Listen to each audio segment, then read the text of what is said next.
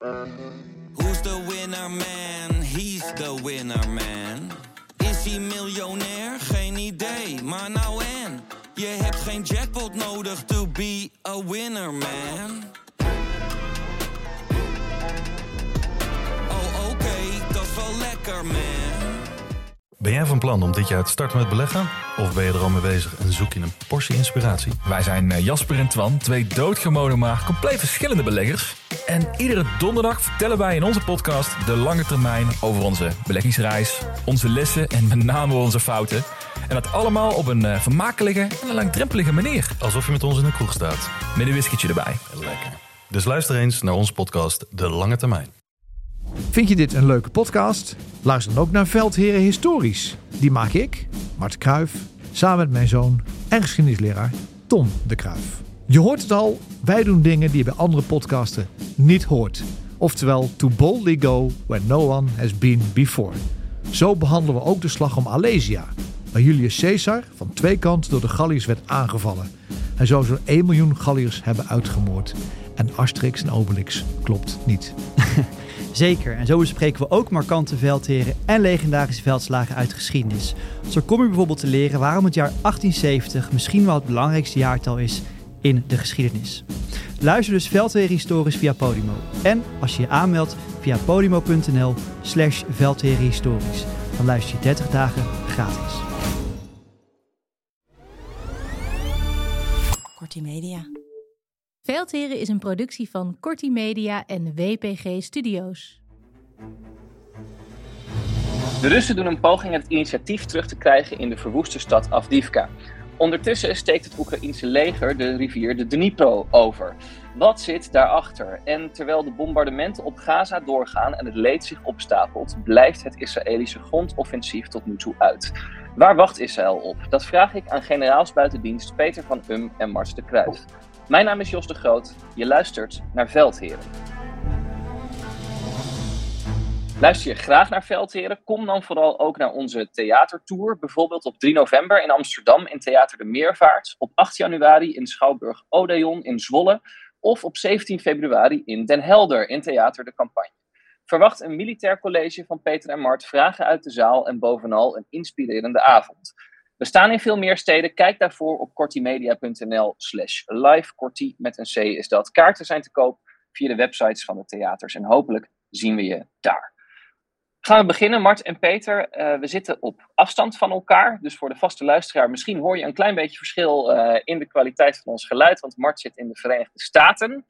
Uh, desalniettemin fijn om jullie te spreken. Er is ontzettend veel gebeurd de afgelopen dagen. laten we beginnen in Oekraïne. Er wordt nog steeds heel hard gevochten in de stad Avdivka. Begonnen we de afgelopen weken vaker mee in onze podcasts. Wat gebeurt daar?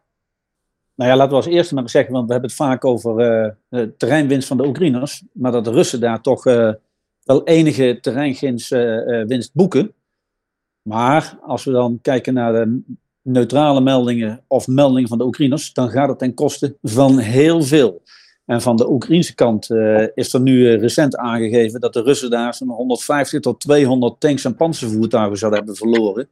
En de laatste vijf dagen zouden volgens de Oekraïners nogmaals er 2400 Russen gedood zijn. En we hebben de vorige keer al aangegeven dat dit een soort uh, ja, uitstulping is aan het front. en de Russen kunnen eigenlijk alles beschieten in die uitstulping. Dus het is heel erg moeilijk voor de Oekraïners, maar blijkbaar dus ook voor de Russen om treinwinst te boeken. Kijk, dit is geen Bakhmut. Dit is echt iets anders. Bakhmut was meer een symbolisch gevecht om een plaats die strategisch weinig waarde heeft. Dit is een plaats die al vanaf het begin van de oorlog grote strategische waarde heeft, omdat van daaruit je invloed uitoefenen op Donetsk, op de stad Donetsk. Dus dit is een ander iets. En als je die aanvalt, heb je daar dus een ander doel mee. En eigenlijk probeert Rusland nu met een aanval daar alle reserves van Oekraïne die zij hebben te lokken naar Afdivka om geen doorbraak te krijgen daar. Dat is het spel wat nu aan de gang is. En dat lukt niet omdat Afdivka erg al maandenlang, eigenlijk al meer dan een jaar, ter verdediging is, is uh, uh, voorbereid. Dus wat we aan de Russische kant zagen met drie rijen loopgraven en mijnenvelden, zien we nu aan de andere kant. Wat valt vrees ik op? Is dat de Russen adaptief zijn in hun oorlogvoering als je praat over de techniek. Wat, eh, wat je ziet bijvoorbeeld de aanpassing van eh, de drones. Daar zal Peter zo nog even op ingaan, maar daar zijn ze slim en adaptief in. Je ziet ook dat ze adaptief zijn in het operationele niveau van oorlogvoering, dus het plannen van operaties om het initiatief terug te krijgen. Ze zijn niet adaptief in de tactieken op de grond. Want als je ziet hoe ze aanvallen, dan doen ze dat eigenlijk in kolonnes achter elkaar. Dan wordt afgeschoten, dan moet de rest de mijnenvelden in uh, rijden. Dat zijn eigenlijk dingen die we aan het begin van de oorlog kennen. Dat wij gelijk zien van, wacht even, dit is wel een samengestelde eenheid met veel gevechtskracht. Maar die doen dingen die ze eigenlijk niet goed hebben geoefend. En het samenspel wat je nodig hebt van tanks, infanterie en genie en artillerie om dit goed te kunnen doen, dat ontbreekt op de grond aan kwaliteit. Dus kortom, uh, heel veel uh, levens die daar verloren gaan. Um, hoe, hoe, zien jullie dit gevecht uiteindelijk uitmonden? Nou, in ieder geval, uh, wat Mart zegt, dat klopt. Dat ze proberen vanuit de Russische kant om de Oekraïnse reserves te binden. Maar er zijn ook eerste meldingen dat er ook verse troepen, wederom, dat is al eerder gebeurd, wederom naar Avdivka aan het doen zijn bij de Russische kant.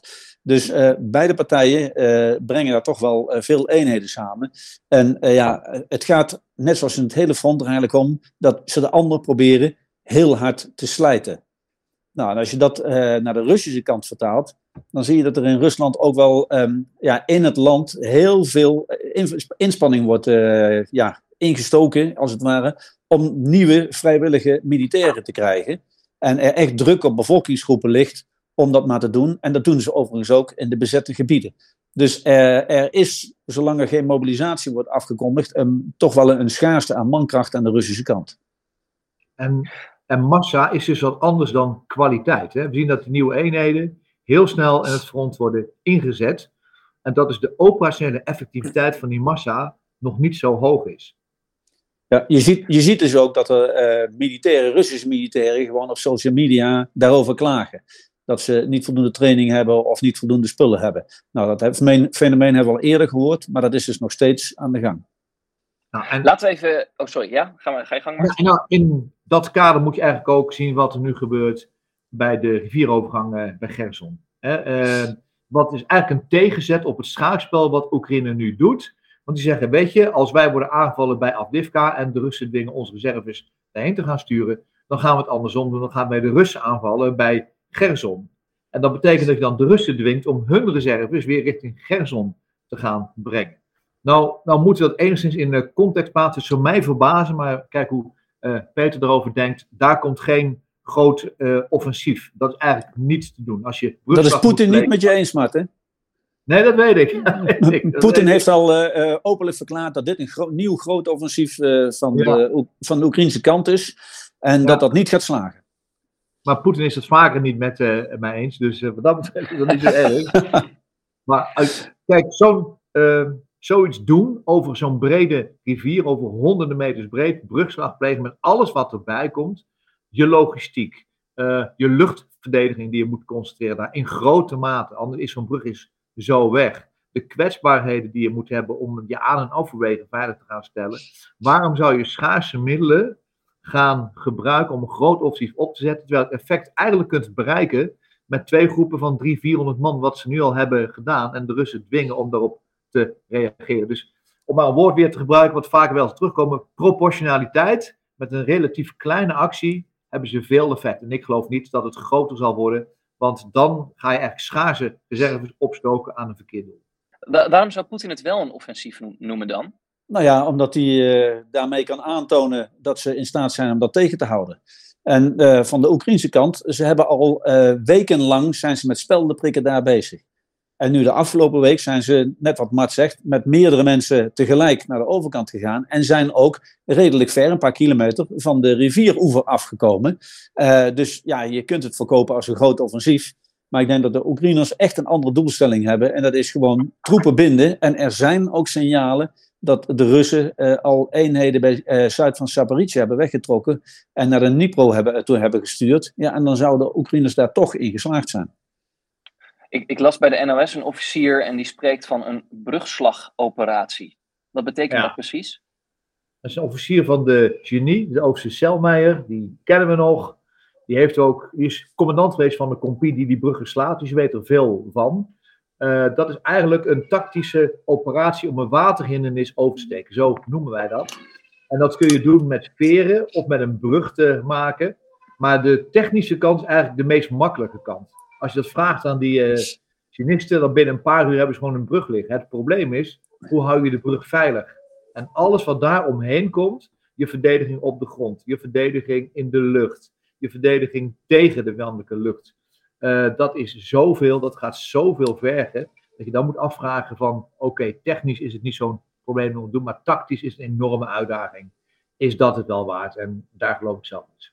Ja, je moet beseffen, eh, de luisteraars ook, dat die chinisten, die kunnen dat technisch wel, maar die komen pas als er mensen met bootjes of amfibische voertuigen de rivier over zijn en aan de andere kant een bruggenhoofd hebben uh, bevochten, waardoor de tegenstander niet meer met direct vuur, dus rechtstreeks schietend, op die plek waar die brug gebouwd moet worden, uh, kunnen vuren. En dan komen de Chinisten. En dan nog steeds is het zo dat de vijand daar met artillerie en andere middelen, luchtsteun, nog steeds invloed op kan hebben. Dus het blijft heel kwetsbaar, want ze weten op een gegeven moment waar die brug ligt. Ik, ik hoorde trouwens net even een kind op de achtergrond. Is dat bij jou thuis, Peter? Ja, ja Nina doet gewoon mee. Oppasdienst, ja. ja. um, hey, we, we, we, krijgen een uh, vraag van een luisteraar die zichzelf zo noemt, let op. MIVD afluisterplant 8. Ja? Uh, stuurt, ons, stuurt ons een vraag. Hoe reëel achter de veldheren de kans op een operatie vergelijkbaar aan Overlord qua, amfibie, amfibie, zo, qua amfibisch karakter, waarbij de Dnipro grootschalig wordt overgestoken? Wat zijn de mogelijkheden en risico's? En dan misschien ook even zeggen wat dus operatie Overlord ja. precies was. Ja, operatie Overlord was de invasie op 6 juli 1944 in Normandië. Dat is niets te vergelijken met wat er nu gebeurt bij de Dnipro. Niet alleen qua omvang van de operatie, want die is jaren voorbereid met een misleidingsplan, met enorm veel massa. Uh, maar dat was ook geen rivierovergang. Dit was echt een invasie. Dat is echt iets anders. En daar bouw je geen brug. Uh, en daar het slagen van Overlord was eigenlijk cruciaal voor het beëindigen van de oorlog. Nou, deze waarde moeten we ook niet gaan toepassen aan wat er nu gebeurt bij uh, Gerson. Dat is niet zo. Dus de vergelijking hangt een beetje scheef, omdat de massa, het volume en de. kun je niet met elkaar vergelijken. Uh, aan de andere kant, alle problemen die je op tactisch niveau hebt om een waterhindernis over te steken, die heb je ook bij Overlord gezien. Dus wat dat betreft, militair technisch, is wel het principe is hetzelfde. Je moet heel snel een brughoofd vormen, dat je tegenstander, zoals Peter zegt, geen inzicht meer heeft in wat er allemaal gebeurt op de landing. Je moet ontzettend veel middelen daar uh, opofferen. En voordat je kunt uitbreken, want dat is nog eens een keer een andere fase, ja, daar zijn we nog echt lang niet aan toe. Dus dit is meer een, een wel te vergelijken qua techniek, maar qua impact en werking eigenlijk. Ja, en we moeten wel begrijpen dat uh, uh, het kanaal oversteken of daar in de buurt, dat is toch echt wel van andere orde dan een rivier oversteken. En dan zal ik niet zeggen dat de, de Nipro, zoals de Duitsers noemen, een pisrine is. Een of andere kaaslootje. Uh, maar uh, hij is ja, op de meeste plekken honderden meters breed en op sommige plekken zelfs uh, kilometers breed. Dus het is een, gewoon een gigantische operatie om dat te doen. Als jullie hebben, we bespreken nu hoe de Russen aan het bewegen zijn, hoe de Oekraïners aan het bewegen zijn. Waar zien jullie op dit moment eigenlijk het meeste militair vernuft? Nou, dat ja. vind ik een hele. Want dat zie je aan beide kanten. Je ziet dat ze ontzettend adaptief zijn in hun wijze van optreden, in een techniek. Dus dat is ontzettend moeilijk weg te zetten. Je ziet wel dat qua menskracht Russen nog steeds vertrouwen op massa. Maar ze zijn beide legers zijn adaptief en hebben het ook in het verleden wel bewezen dat ze dat zijn. Dus ik ja, kan nou, niet zomaar nee. waardering aankomen. Hoor. Nee. Nou, een, een, bericht van de afgelopen dagen zie je dan dat de Russen toch wel flexibel of adaptief zijn. Zij hebben die Shahed-drones die ze al een tijd gebruiken. En ze hebben nu dus uh, blijkbaar zelf uh, fabrieken gemaakt waar ze een, afgeleide versie daarvan maken. Die is kleiner, die is, uh, die is lichter, kan minder meenemen, maar ze kunnen er wel veel meer van maken. Die dingen zijn dus moeilijker te detecteren, te, te bestrijden. En, en, die gaan ze nu en masse inzetten. Uh, en zo zie je dat er wel degelijk adaptief vermogen of flexibiliteit ook aan de Russische kant is. En we hebben het nu uitgebreid gehad over de beweging bij de rivier. Um, maar er is ook beweging bij de Zwarte Zee. Wat gebeurt daar? Ja, uh, er, er, zijn de afgelopen weken meerdere meldingen dat de Russen in ieder geval aanval uh, van de Oekraïnse kant met drones, onderwaterdrones, richting de Krim, richting Sebastopol hebben afgeslagen. En ja, wat mij opviel is dat Zelensky, die heeft de, gisteren heeft hij een toespraak gehouden. En uh, daarin heeft hij nog eens een keer de nadruk gelegd op die Zwarte Zeevloot. En hij heeft gezegd dat de, de Russische Zwarte Zeevloot eigenlijk de dominantie in het westelijke deel van de Zwarte Zee is verloren. Dus hij wrijft nog eventjes wat zout in de wond van de Russen.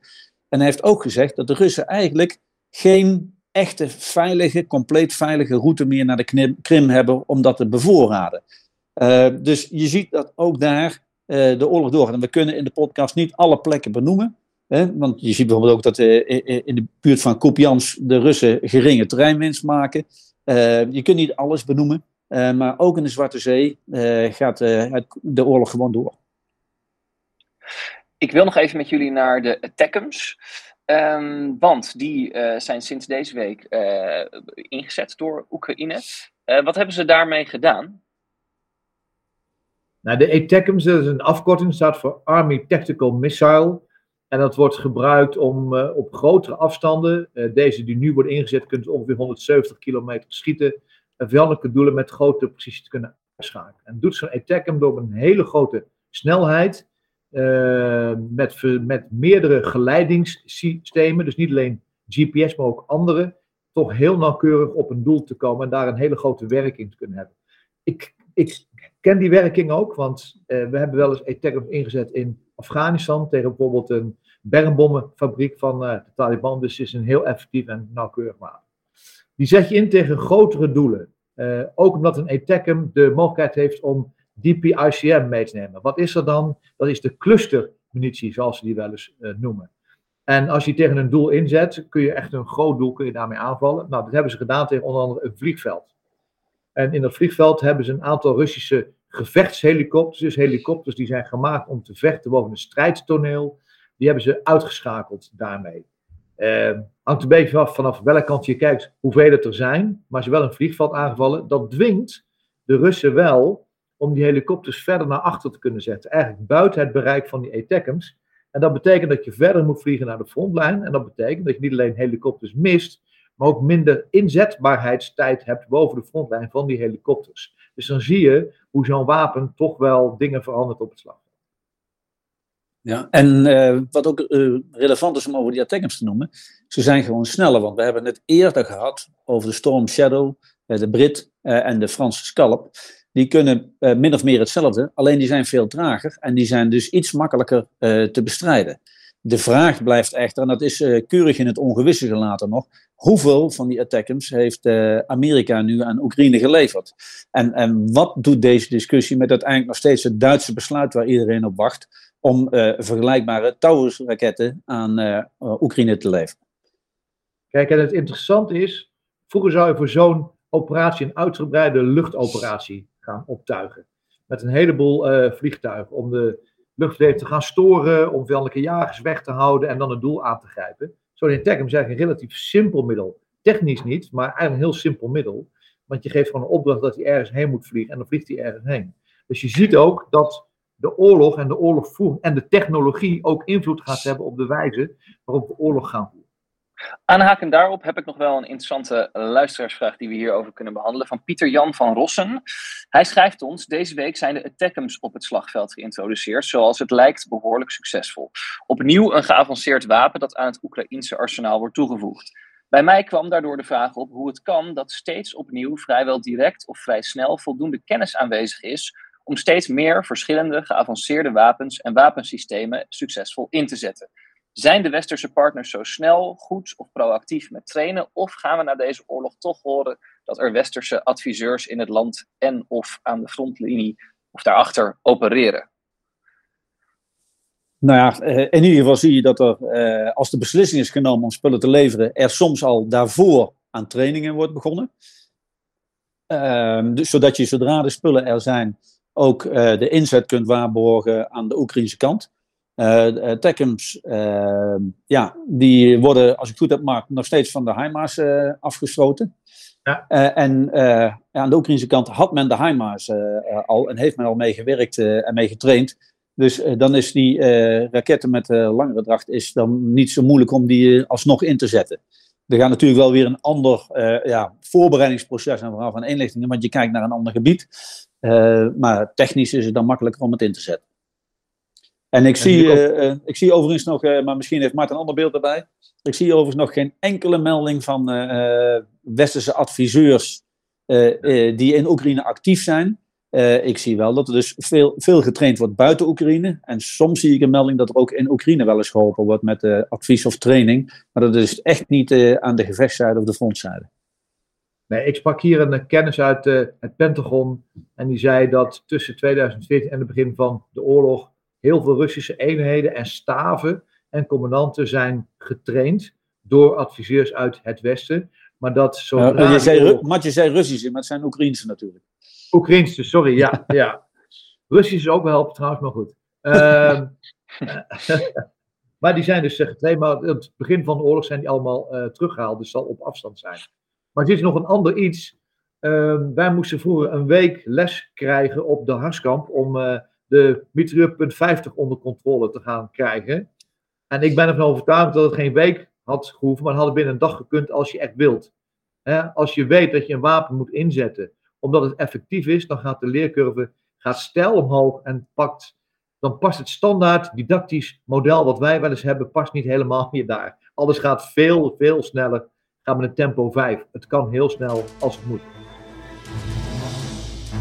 Laten we de aandacht verleggen naar Israël en naar Gaza. Vorige week namen we onze podcast al maandag op. Dat betekent dat we nog niet hebben kunnen praten over de explosie bij het ziekenhuis in Gaza. Dat gebeurde namelijk na onze opname.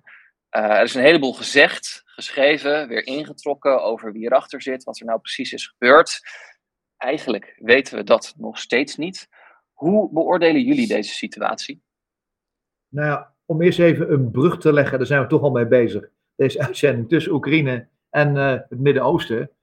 Ik durf wel de stelling aan dat er afgelopen week net zoveel soldaten zijn gesneuveld en gewond geraakt in Oekraïne, als dat er slachtoffers zijn gevallen, militairen en burgers in de Gaza. Dus het is gek dat we plotseling een heleboel aandacht hebben aan Israël en Oekraïne lijken te vergeten, waardoor de Oekraïne, goed om het even te gaan stellen, niet minder intensief is geworden. Dat gaat door as we speak. Nou, over dat uh, ziekenhuis. Uh, we weten ongeveer, en die cijfers die circuleren ook hier in de pers in de Verenigde Staten, waar ik nu ben, dat uh, van de ongeveer 7000 raketten die zijn afgevuurd door de Hamas en door de Islamitische Jihad, ongeveer een 500, 600 niet op hun doel aankomen. En niet worden onderschept, maar gewoon een technische fout hebben. We weten niet of dat bij het ziekenhuis ook zo is, maar als ik kijk naar wat ik weet van een uh, aanval vanuit de lucht, van een krater die je kunt zien, van een, uh, toch een andere impact die je kunt zien, van een schade die je kunt zien, dan weet ik niet welke partij nu de waarheid zegt. En dan kun je dat alleen maar doen als je onafhankelijk forensisch onderzoek op de grond kunt doen. Zolang dat er niet is, ben ik heel terughoudend om te zeggen wat daar precies is gebeurd. Wat je wel ziet, is dat er een enorme propagandaoorlog woedt aan beide kanten. En dat menselijk leed uh, eigenlijk zonder beperking in beeld wordt gebracht om maar een punt te kunnen maken. En daar reageren we ook op. Daarom is deze oorlog ook waarschijnlijk emotioneler. Even los van de achtergrond van uh, Nederland, met zijn geschiedenis, met de Joden, allemaal kun je dat bijhalen. Maar er wordt een enorme propagandaoorlog gevoerd met beelden. En, en, en, beelden zijn heel erg sterk. Ja, en dat maakt ons uh, toch deze dat we iets anders naar deze oorlog kijken tot nu toe dan naar de oorlog in Oekraïne. Ja, maar deze aanval uh, is uiteindelijk ook weer een les voor iedereen, ook voor ons. We proberen in de podcast zo uh, objectief mogelijk te duiden. En als wij um, denken dat het nog niet helemaal feitelijk is vastgelegd, dan zeggen we ook vaak daarbij op basis van die bron. Zodat het voor de luisteraars ook duidelijk is hoe hard de informatie is. En dit is wel weer ja, een, een keiharde les voor iedereen die hierbij betrokken is. Want onmiddellijk werd door velen al uh, ja, eigenlijk als feit neergelegd dat het een Israëlische aanval was. Terwijl er nu toch wel een hoop bedenkingen zijn op basis van technische informatie die nu beschikbaar is. Dus ja, de les is weer, blijf bij de feiten, check alles dubbel voordat je echt dingen toewijst aan partijen. Ja, en uh, inderdaad, wat Mart net ook zegt, het is een emotionelere oorlog. 17 dagen geleden uh, stond eigenlijk de hele westerse wereld achter Israël. Ze moesten kosten wat kost voorkomen dat Hamas nog een keer zo'n gruwelijke aanval kon uitvoeren als nou, die we hebben gezien. Nu lijkt dat sentiment wat te kantelen. Natuurlijk ook door de stroom aan, aan hartverscheurende beelden van, van bebloede en dode kinderen in Gaza. Het is verschrikkelijk uh, om aan te moeten zien. Um, hoe duiden jullie dat? Dat, die, ja, dat sentiment, dat voel je verschuiven, zowel bij, bij bevolking, maar ook bij politieke leiders. Nou, in ieder geval uh, vind ik het uh, heel goed dat er meer nuance komt. En dat men heel duidelijk een verschil maakt tussen Hamas en de Palestijnse bevolking. Uh, dat hadden we vanaf het begin doen. Wij hebben dat vorige week in ieder geval zeker geprobeerd in onze podcast om dat duidelijk te maken. En, en, zo moet je ook naar deze oorlog, dit conflict, hoe je het noemen wilt, moet, moet je blijven kijken. en laten we niet vergeten dat zowel de bevolking van Gaza als veel Israëli's gewoon wederom de dupe zijn van, van deze oorlog. En daar moet je aandacht voor hebben. Daar moeten we op blijven duwen. En we moeten ook op beide partijen blijven duwen dat ze, uh, dat ze gewoon respect moeten hebben voor de internationale regels bij conflicten. En dat ze burgers, slachtoffers, zoveel mogelijk moeten, moeten vermijden. Kijk, wat mij opvalt is naast wat Peter zegt, is dat vaak wordt de geschiedenis erbij gehaald. En afhankelijk van hoe ver je teruggaat bij de geschiedenis, kun je voor elke partij kun je een case maken. En dan praat ik niet eens over de passiviteit van de Arabieren ten opzichte van het Palestijnse volk, want die doen ook heel, heel erg weinig. Dat maakt een discussie altijd emotioneel. Hoe ver ga je terug? En hoe, hoe kun je dan je gelijk halen? Kijk, dit is een klassiek voorbeeld eigenlijk van een asymmetrisch conflict. Een asymmetrisch conflict is, je hebt een hele sterke partij aan de ene kant, dat is het Israëlische leger. En een uh, goed georganiseerde, maar veel minder sterke partij aan de andere kant. Dat is dan de Hamas. Nou, als je een sterke partij hebt en een minder sterke partij, dan wordt de minder sterke partij gaat vaak irregulier optreden, noemen we dat. En dat is optreden waarbij je eigenlijk zegt, nou, als ik niet sterk kan zijn, dan moet ik maar slim zijn. Desnoods overtred ik dan wetten die doorgaans gangbaar zijn in het humanitair oorlogsrecht. Want ik, heb geen, ik draag een uniform, ik ben niet zichtbaar als een strijder, maar ik doe het wel uit ideologische overwegingen. Uh, en dus ga ik anders vechten. En dan zie je eigenlijk dat je een heel raar conflict krijgt. Want Hamas is niet in staat om Israël aan te vallen, wat eigenlijk altijd de doelstelling was van de Arabische landen. Daar is de IDF, de Israëlische Defense Forces, veel te sterk voor. Maar aan de andere kant is het Israëlische leger ook heel terughoudend om te vechten op voorwaarden van de Hamas. Want dan moet je vechten in tunnels en in gangen en in andere, en in andere dingen. In gebouwen, in puinhopen die er liggen. Maakt het niet makkelijker.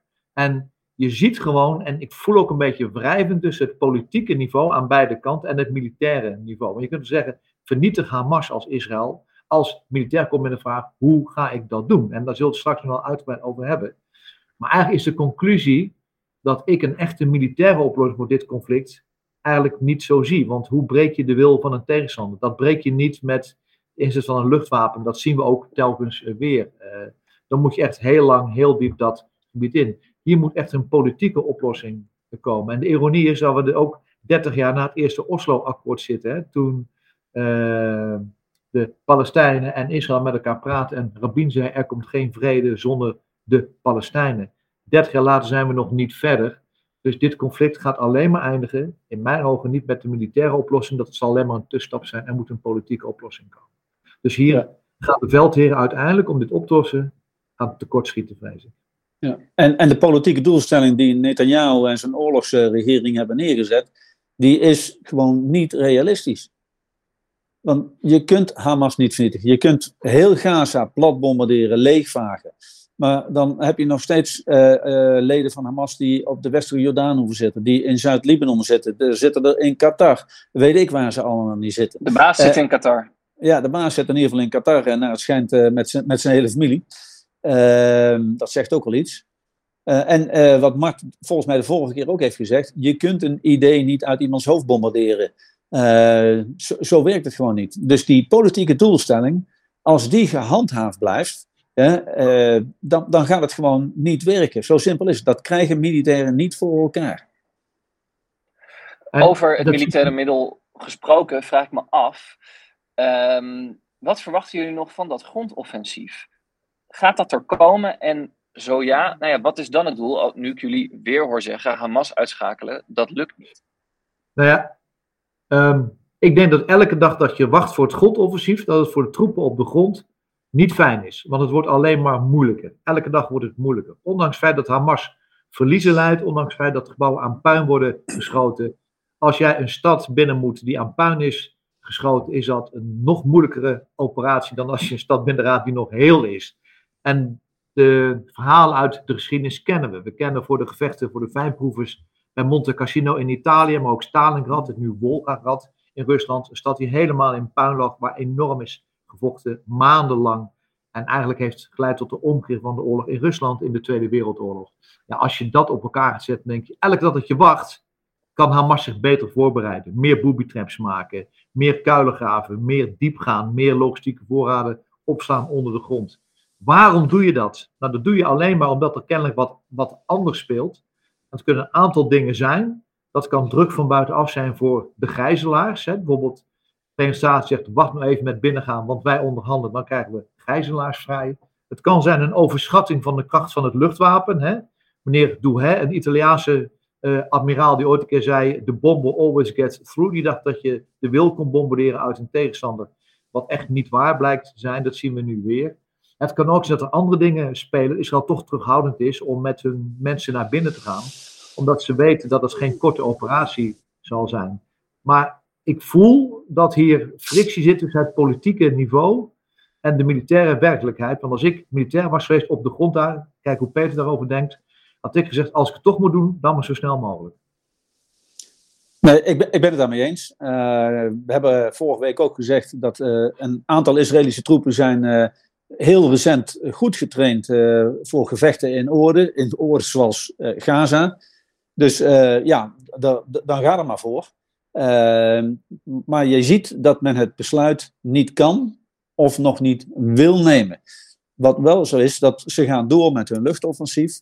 Er zijn eh, toch wel eerst, eerste meldingen dat er eh, wat kleine acties eh, kort, snel over de grond zijn gedaan. Wat voor mij, ik zie Mart knikken, voor, mij als militair eigenlijk heel logisch klinkt. Want als jij bijvoorbeeld informatie hebt dat je bij gijzelaars kunt komen, zou je zo'n actie kunnen opzetten. Als jij een grondoffensief voorbereidt en je wil een bepaalde as of een bepaalde wegroute, die wil je al een beetje voorbereiden, dan kun je daar kort en snel in om uh, te kijken wat er zit en uh, misschien al IED's, hè, improvised explosive devices en dergelijke weg te halen. Dus misschien al om tunnelingangen te ontdekken. Nou, dus dat soort dingen, die zijn eigenlijk heel logisch. Maar daarna, ja, als je het dan toch wil, zul je er met z'n allen in moeten. En, ik moet toch zeggen dat als ik naar jullie luister... Ja, sorry, ga je gang. Ja, er is eigenlijk nog iets. Waar haalt Israël al die wapens vandaan, die munitie vandaan? Er worden enorme aantallen precisiebommen worden er gegooid, want dat zijn het meestal wel. En ik denk dat dat de prijs is die de Verenigde Staten betalen voor de terughoudendheid van Israël op de grond. Dus dat ze heel veel munitie leveren aan de Israëlische luchtmacht om vanuit de lucht zoveel mogelijk te kunnen blijven bombarderen en die campagne ook optoeren. Ik weet het niet, er is geen bewijs voor, maar dit zijn wel hele grote aantallen. En je praat over dure bommen. Dit zijn geen uh, simpele bommen. Zoveel zijn daar niet van. Maar ik verbaas me daar ook over als ik jullie nu heel duidelijk hoor zeggen dat het nog moeilijker is om in een plat gebombardeerde stad te vechten dan hè, dat het gewoon al heel moeilijk is om in, een stad uh, te vechten. Dus in hoeverre sluit die luchtcampagne, zoals jullie het noemen, hoe, in hoeverre sluit dat dan aan bij een eventueel grondoffensief? Want eigenlijk maakt het, het zichzelf dus veel moeilijker. Terwijl er ook nog heel veel burgerslachtoffers vallen. Ja, nee, dat moeten we zeker niet vergeten, dat uh, door die bommen veel burgerslachtoffers vallen. Maar het risico voor je eigen troepen, zolang je nog met het lucht, luchtoffensief bezig bent, is aanmerkelijk minder dan dat je er over de grond in moet. En dat is een afweging die je moet maken. Mart, jij hebt uh, hier ook meegewerkt in Afghanistan. Hè? Als het gaat om targeten um, uh, in, in orden, zal ik ook maar zeggen. Hoe werkt dat in de praktijk? Moeilijk.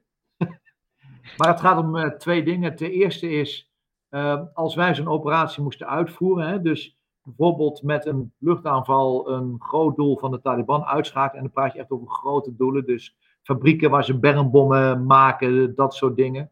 Uh, dan moesten we uh, eerst 48 uur onafgebroken uh, eyes on target hebben. Dus moesten we het doel kunnen zien. De enige reden daarvoor was dat ze zeker eh, wilden weten dat er geen burgers waren. Dus ze moesten weten wie er in en uit een gebouw gingen. Als die cyclus werd onderbroken doordat eh, je even geen ogen op het doel had, dan moest je weer helemaal opnieuw beginnen, die 48 uur. Dus dat was één. Het tweede was dat, dat ik degene was als baas van uitgroep in het zuiden die het moest brieven aan mijn baas in uh, Kabul, in Kandahar, Stemmer Crystal. Uh, dus dat ging echt in de commandantenlijn. Dat is niet een sergeant ergens die zegt van nou, ik zie een doel, die gaan we aanvallen. Ik denk dat we heel duidelijk moeten zijn, je probeert altijd nevenschade te voorkomen. Wij hadden daar ook wel de tijd voor. In deze oorlog ligt dat anders. Maar ik denk dat de principes van targeting die Israël gebruikt, hè, proberen zoveel mogelijk met precisiebombardementen militaire doelen uit te schakelen, dat die, die zowel worden gevolgd, maar een consequentie is zeker in de Gazastrook, waarin zoveel mensen wonen en nog steeds in het noordelijk deel zoveel mensen aanwezig zijn, dat je eigenlijk ook altijd weet, als we gaan bombarderen, dan gaan er ook burgerslachtoffers vallen. Dat is een prijs die betaald moet worden voor deze oorlog. En dat is natuurlijk een afschuwelijk dilemma. Maar ja, als je moet kiezen tussen doen we het vanuit de lucht of gaan we over de grond, we hebben het net over eh, gehad. Wat voor keuzes maak je dan? Dat zijn keuzes die eigenlijk geen keuzes zijn, maar een kiezen tussen twee kwaden en dan kies je de minst kwade. Wat volgens mij een vraag is waar heel veel mensen mee zitten. Hè. We hebben deze week ook uh, verschillende wereldleiders langs zien gaan bij Netanyahu. En eigenlijk wordt steeds gezegd: wij steunen Israël in het recht op zelfverdediging. Ondertussen zien we de beelden van uh, compleet uh, platgebombardeerde bewoonde gebieden. Waardoor volgens mij de vraag rijst: ja, tot hoever reikt het recht op zelfverdediging? En misschien ook wel, wat heeft deze manier van bommen gooien te maken met zelfverdediging? Nou ja, dat zal allemaal achteraf uh, door juristen en uh, politici zal dat nog wel een keer uh, bediscussieerd worden. maar het feit staat dat iedereen heeft het recht op zelfverdediging. Ehm, maar je moet wel uiteindelijk binnen de kaders blijven die we met z'n allen hebben afgesproken. En ehm, ja, is natuurlijk zeer de vraag of dat hier allemaal aan de orde is. We hebben het er al volgens mij eerder over gehad. Dat het afsluiten van Gaza van iedere bevoorrading, of het nou brandstof is, elektriciteit, voedsel, medicijnen, dat, dat kan dus eigenlijk al niet. Dus daar ga je al over een, eh, een streep heen. En uiteindelijk zal bij al die bombardementen moeten worden gekeken wat de proportionaliteit is. Uh, je, je kunt dus een legitiem militair doel hebben, wat je niet aanvalt, omdat je veel te veel burgerslachtoffers maakt. Dat, zo steken de spellen dus in elkaar. Maar wat weet je nu als het meest belangrijke? En dat zijn dingen die zullen ja, in de nabije toekomst, hoop ik, wel een keer uh, aan het voetlicht moeten komen. Uh, ook omdat we hopelijk daar een keer van gaan leren. Ja, dat is natuurlijk wel, ik, ik snap wat je zegt, het is natuurlijk ook wel weer iets waar de mensen die daar nu zitten uh, niet zoveel aan hebben. Nee, die hebben nee. er geen moer aan. En, en, de vraag is ook, kun je alles laten zien? Hè? Bij de Gaza zien we ontzettend veel beelden.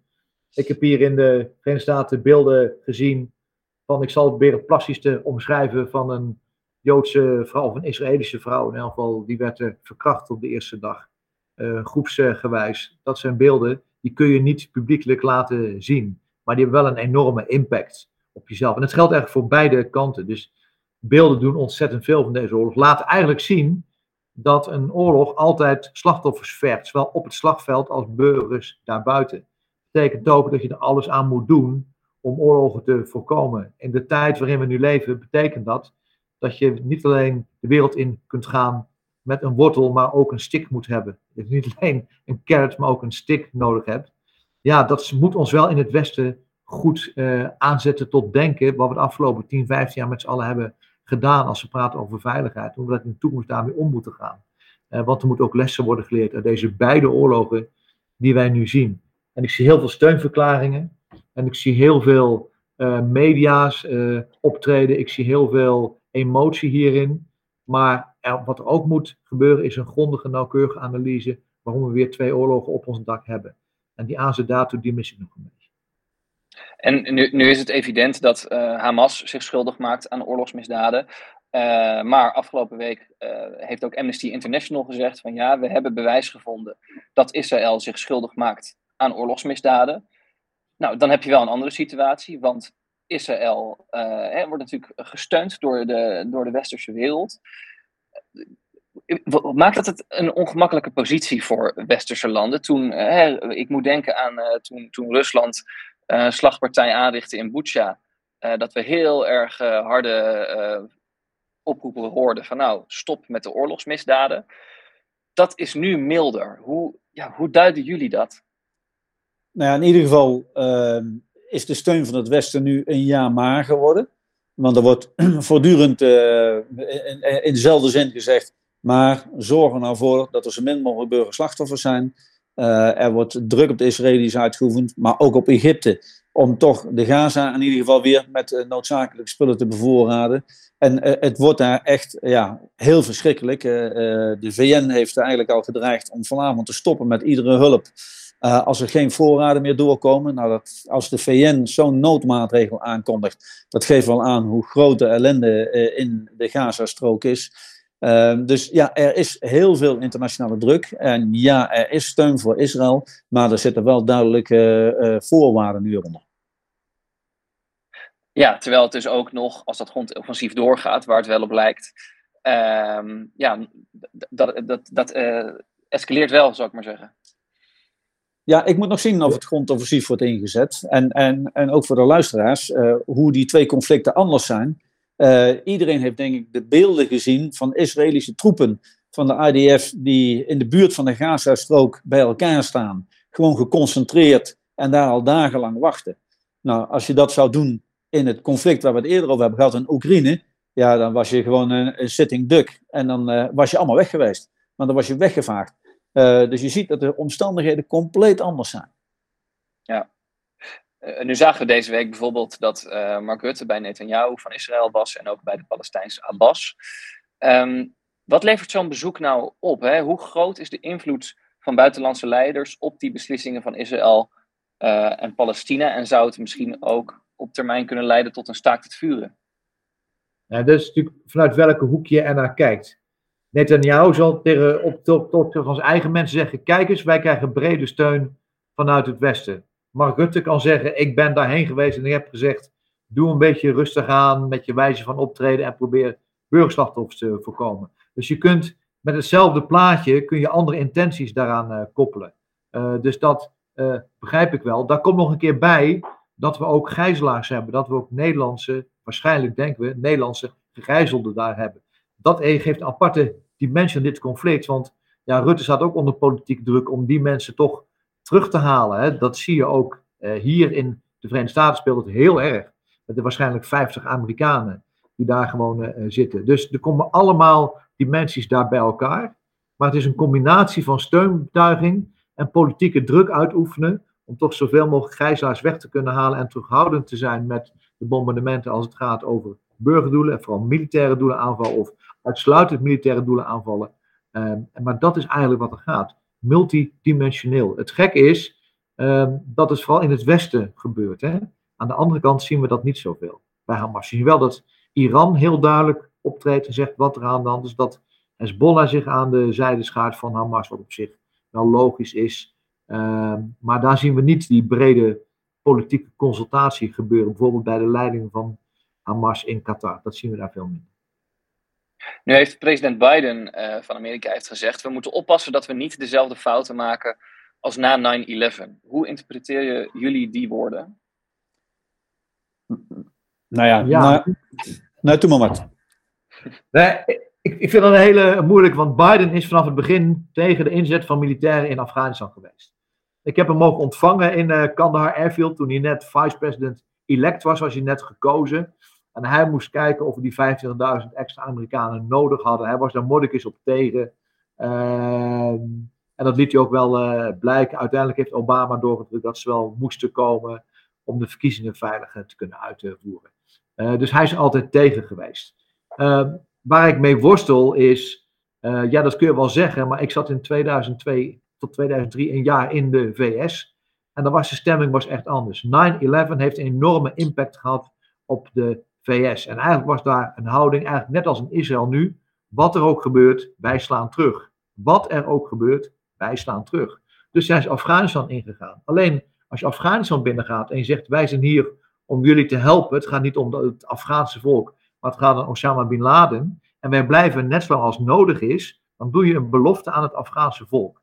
Dan zeg je, wij gaan jullie veilig houden. In de Pashtunwali, de cultuur van de Afghanen, is, is eer, is heilig. Is het belangrijkste wat er is. Als je dan in 2020 jaar later, zeg maar 2021, 22 jouw troepen helemaal terugtrekt en je laat een chaos achter, dan ben je de Afghanen kwijt. En ik weet niet wat Joe Biden nou bedoelt. Hadden we er niet weg moeten gaan? Want daar kun je echt een punt van maken. Of hadden we er, er niet in moeten gaan? Ja, dat is wijsheid achteraf. Maar de hele stemming in de VS was toen zo in 2002. Wat er ook gebeurt. Wij gaan erin. Dus een beetje in raadsel wat hij nou precies bedoelt. Ja, ik lees het toch wel uh, één. Blijkbaar heeft hij iets geleerd. Dat is al heel positief. Eh, want uh, jullie kennen mijn stelregel: de mens leert slecht van de geschiedenis, maar de mens, of de mens leert van de geschiedenis, maar de mensheid leert slecht. dus dat is mooi als Biden in ieder geval aangeeft dat hij iets geleerd heeft en dat hij het ook nog probeert uit te dragen. En ik zie het toch echt wel als een signaal naar de Israëlische regering van uh, kijk nou terug naar het verleden, hoe wij het hebben gedaan. Wij hebben toen keihard teruggemapt en wat hebben we er uiteindelijk uh, mee bereikt. En ik denk dat die, die les toch wel bij de Israëlische regering heeft neergelegd. Laten we nog even naar een luisteraarsvraag. Die is van Johan Rademaker. Hij schrijft ons: In de media en deze podcast is al ter sprake gekomen wat het standpunt van Trump zou zijn in de oorlog tussen Rusland en Oekraïne. Maar wat is het standpunt van Trump in de oorlog van Hamas en Israël? Weten we dat? Nou, ik, ik weet het niet. Uh, Mart heeft misschien wat in de Amerikaanse media gezien. Ja. Nee, Trump zegt dat beide oorlogen niet uh, nodig waren en dat hij ze had kunnen voorkomen. Dat is eigenlijk uh, zijn standaard uh, antwoord. Alleen hoe, dat zegt hij er nooit bij. Dus kunnen we kort beantwoorden deze. Ja, precies. Maar, maar weten we of hij zeg maar, een warme medestander van Israël is? Of is dat niet zo duidelijk? Nou ja, bijna elke Amerikaanse politicus hier uh, moet wel een warm medestander zijn van uh, Israël. Omdat er een enorme sterke uh, lobby is. ook met politieke invloeden, zowel bij de Republikeinen als de Democraten. alleen Poetin kan het makkelijk zeggen, want hij weet natuurlijk dat hij het eh, komende jaar daar niet uh, verantwoordelijk uh, voor is. Dus hij zou altijd zeggen dat hij deze beide oorlogen had kunnen voorkomen. Hij pocht wel overigens ook nog met een recent interview hier voor uh, CNN op zijn relatie met Poetin. En daarom zegt hij dat hij deze oorlog in Oekraïne had kunnen voorkomen. Daar is hij wel trots op. Ik moet even opletten, want Mart zei de eerste keer ook Poetin in plaats van Trump. Oh, dat miste ik even. Oké, okay. ja. nou bij, de, bij, bij, de, bij, deze, bij deze hersteld. Um, laten we afsluiten met een uh, mooie vraag van uh, luisteraar Grace Green. Zij schrijft ons: Het is een tijdje geleden dat ik samen met mijn man naar het theater in Valkenburg ben geweest om te luisteren naar de twee generaals buiten dienst. We vonden het erg indrukwekkend, maar het gaf mij tegelijkertijd een beetje een gevoel van onrust en angst, omdat er door de heren werd aangegeven dat wij als burgers totaal niet voorbereid worden op de eventuele consequenties van de oorlog in Oekraïne en nu in de Gazastrook. Mijn vraag is dan ook hoe wij als burgers ons kunnen voorbereiden. Ik denk zelf aan een noodpakket, maar vraag me ook af of de heren nog dingen kunnen aangeven waar we aan zouden moeten denken. Hoe we als buren elkaar een beetje kunnen helpen indien nodig en wat je wel en niet moet doen. Aangezien de overheid hier blijkbaar niet mee bezig is, of in ieder geval niets concreets naar buiten brengt. Het zou mij een beetje geruststellen in deze roerige tijd. Nou ja, laat ik als eerste zeggen, denk na waar, op wie je stemt. Uh, betaal netjes je belastingen. Uh, zodat je in ieder geval de overheid uh, kunt helpen om weer een goed defensieapparaat uh, op te bouwen. Maar daarnaast sociale cohesie in de buurt waar jij zit, is natuurlijk ook prima. en, en, kijk eens wat je misschien aan vrijwilligerswerk kunt doen om, om mensen in jouw buurt te helpen. Want als je een ander helpt, help je jezelf ook. Ja, het is niet nodig om nou een schutsput in je tuin te gaan graven. En daarin te zitten als het nodig is. Dat zou ik niet doen. Ik zou overigens daarnaast altijd wel wat extra water en dingen in huis hebben als de stroom even uitvalt. Want dat gaat veel eerder gebeuren dan uh, een, uh, een oorlog, denk ik. Maar geen enkele reden tot paniek. Wat, wat, wat ik wel aanzet bij Peter Volledig is, kijk wie er gaat stemmen. Ik heb nu het eerste ver verkiezingsdebat mogen zien in uh, de college tour. En ik heb het woord veiligheid en defensie niet gehoord. Van geen van de vier partijen die daar zitten. Als iets mij onrustig maakt, is dat het.